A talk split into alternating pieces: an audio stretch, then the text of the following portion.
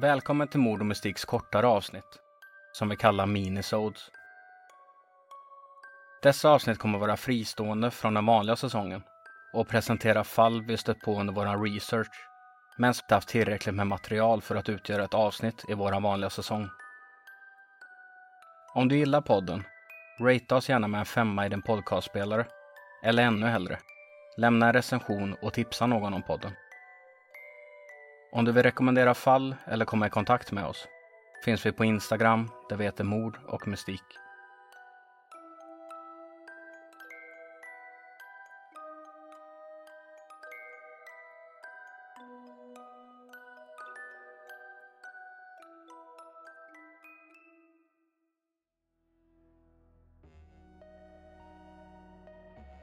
Dödsolyckan vid Inget i Södertälje 18 juli år 1991. Polis och ambulans tillkallas till en trafikolycka på länsväg 516 i Sörmland.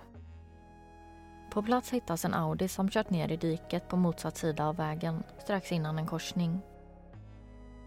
Både ambulanspersonal och polis förväntar sig att det är en vanlig bilolycka som inträffat.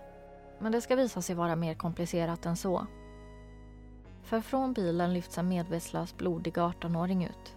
Mikael Nilsson. Och han förs med ilfart till Södertälje sjukhus, där han senare avlider. För att ta reda på vad som har tagit livet av 18-åringen genomför man en obduktion. Det är då man får svaret.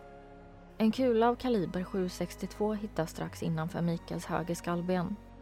Och vid noggrannare undersökning finner man ett ingångshål i vänster tinning.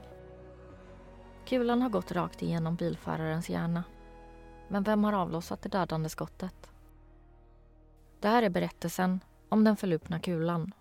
Eller som historien också kallas, dödsolyckan vid Inget i Södertälje.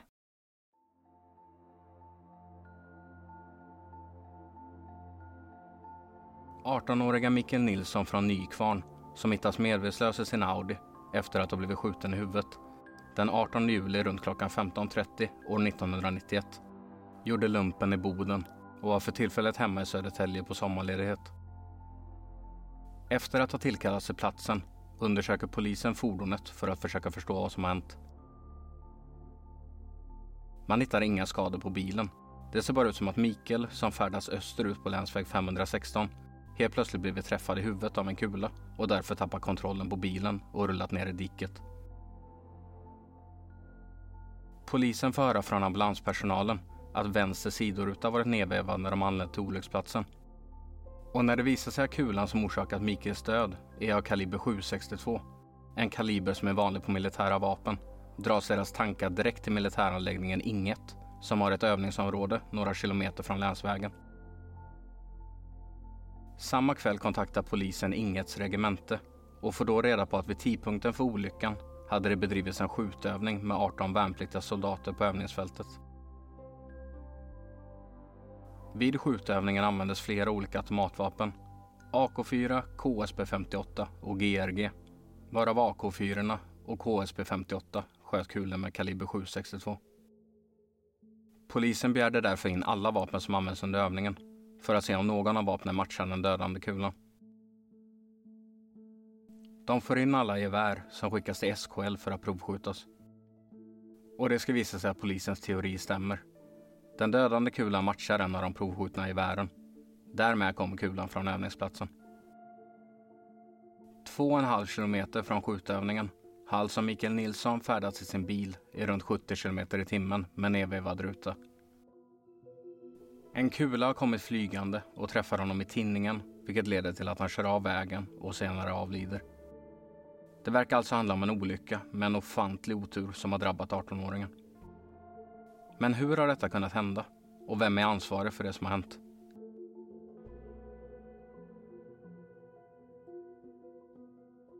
På 90-talet var värnplikt i Sverige obligatorisk och runt 55 000 män togs in varje år för tjänstgöring. Trots tydliga regler och planering inträffade ofta olyckor. Ofta till följd av hård träning, lite mat och brist på sömn. Under 90-talet dog totalt 19 värnpliktiga. Fem av dem var resultatet av massmordet i Falun orsakat av Fänrik Erik Mattias Flink som totalt dödade sju personer i juni år 1994 Varav fem av dem var frivilligarbetare inom militären och därför räknas in i denna statistiken. De resterande 14 dog till följd av vådaskott, drunkning eller bilolyckor som inträffade under deras tjänstgöring. Polisen frågar sig hur skjutövningen på inget egentligen gått till och varför inte kulan stoppas upp av mark eller träd. Därför för man befälen på militäranläggningen. Man får reda på att sergeanten vid inget beordrats att genomföra en skjutövning. Totalt 18 värnpliktiga skulle ingå i övningen. Den 18 juli runt klockan 12 beger sig gruppen till Johannedal SO2 där skjutövningen skulle utföras. Det var planerat att de värnpliktiga skulle öva på att skjuta neråt mot måltavlor från att vara liggandes uppe på en kulle. Därför skulle kulorna stoppas upp av marken efter att ha passerat genom måltavlorna. Allt går som planerat och vid klockan 15 är övningen färdig. Men skjutfältet är bokat fram till 15.30 och sergeanten tycker det är lika bra att ta vara på tiden och utföra ytterligare ett moment som man anser att de värnpliktiga borde få öva på. En så kallad mejningsövning. Detta moment kallas också för Ramboövning och innebär att man låter vapnet hänga i en rem vid midjehöjd och sen avlossar vapnet hängandes mot måltavlorna. 16 av de 18 värnpliktiga kommer att delta i detta momentet denna dagen. Och sergeanten och de 16 värnpliktiga går ner för kullen de legat på och ställer sig närmre måltavlorna, hänger vapnen i midjehöjd och avlossar sina vapen.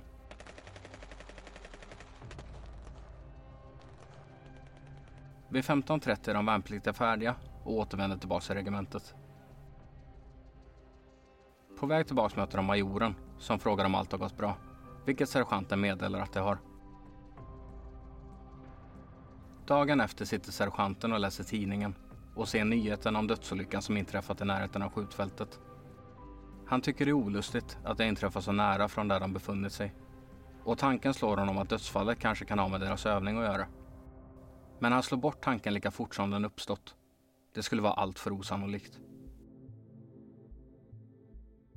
Senare på dagen, när han kommit in på kontoret, får han en klump i magen när han får reda på att skjutövningen han hållit visst kan ha orsakat dödsolyckan på länsväg 516. Och sergeanten har ännu inte berättat om det moment han valde att själv lägga till i övningen. Mejningen. Skjutövningen den 18 juli var den första som sergeanten någonsin hållit i helt själv. Han hade varit med och hjälpt till vid ett antal övningar tidigare, men aldrig ansvarat för dem. Då liksom nu fanns mängder med regler och föreskrifter för att allt skulle gå rätt till och minimera olycksrisken. Så tre dagar innan dödsolyckan, den 15 juli, träffade sergeanten och fänriken på inget för att gå igenom övningen. Han fick sen i uppgift att även gå igenom allt med majoren på regementet. Vanligtvis ska man ha en skriftlig övningsplan, men majoren sa att det räcker att gå igenom övningen muntligt för tillfället och ta den skriftliga delen senare. I den kommande rättegången påstår majoren att han vid detta tillfället inte förstått att sergeanten skulle hålla övningen, utan trodde att han bara skulle vara med och hjälpa till som vanligt. Något som tingsrätten tror är en lögn. Dagen för skjutövningen, den 18 juli år 1991, gick majoren runt på området och såg då några fordon vars däck var i dåligt skick. Så han gick in för att berätta detta för fänriken på inget. Men efter att ha stött på fänriken och berättat om däcken tänkte majoren vad fan gör han här? Ska inte han med på skjutövningen? Majoren känner oro för att sergeanten kanske håller i övningen med de 18 värnpliktiga helt själv. Så han bestämmer sig för att åka till området för att se hur det går. På väg dit möter han sergeanten som är på väg tillbaks och som berättar att allt har gått bra. Han bestämmer sig därför för att avvakta och konfronterar fänriken och sergeanten tillsammans om varför det har blivit så här. Men det hinner han aldrig. För senare på kvällen får han ett samtal av sin överstelöjtnant som berättar att det har skett en dödsolycka i samband med skjutövningen som skett under dagen. Under polisens utredning sker det en rekonstruktion av skjutövningen 12 dagar efter Micke Nilssons död. Detta är första gången det framgår att mejningsövningen ägt rum. Utredarna kommer fram till att det bara skiljer 5 cm på riktningen på de värnpliktigas vapen från att skotten antingen hamnar i marken eller över trädtopparna, vilket alltså är det som har hänt. Kulorna från vapnen som används kunde färdas 4 kilometer innan de till slut landade. I rättegången står tre personer åtalade för vållande till annans död och tjänstefel. Sergeanten erkänner det som har hänt men menar att han inte hade kunnat förutse olyckan. Fänriken och majoren nekar helt och i mars år 1992 kommer domen där alla tre döms. Majoren och fänriken döms för tjänstefel men frias för vållande till annans död och sergeanten döms på båda punkterna. Alla tre får villkorlig dom och böter. Södertälje tingsrätt menar att majoren måste ljuga när han påstått att han inte vetat om att sergeanten själv skulle hålla i övningen. Detta då det har sagts till honom vid minst två tillfällen och även stått med i regementets dagsprogram. Fänriken på inget ska ha vetat om att skjutövningar måste hållas av någon med minst hans grad, men ändå sagt åt sergeanten att hålla i övningen. Och därmed har också han begått tjänstefel. Sergeanten ska ha utfört övningen efter att ha fått order om det och därför har han inte begått tjänstefel på grund av det. Men genom att på eget initiativ lägga till meningsmomentet ska han ha brutit mot sina order och döms därför för tjänstefel. Dessutom var Mikaels död en direkt följd av kulorna som flög iväg under meningsmomentet och därför döms sergeanten även för vållande till annans död. Efter domen slutade sergeanten att jobba inom militären. Men fänriken jobbade kvar fram till år 2002. Och majoren jobbar kvar inom militären. Än idag.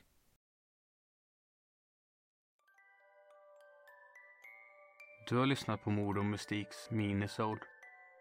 Hoppas du gillat avsnittet. Ta hand om dig så hörs vi snart igen. Godnatt.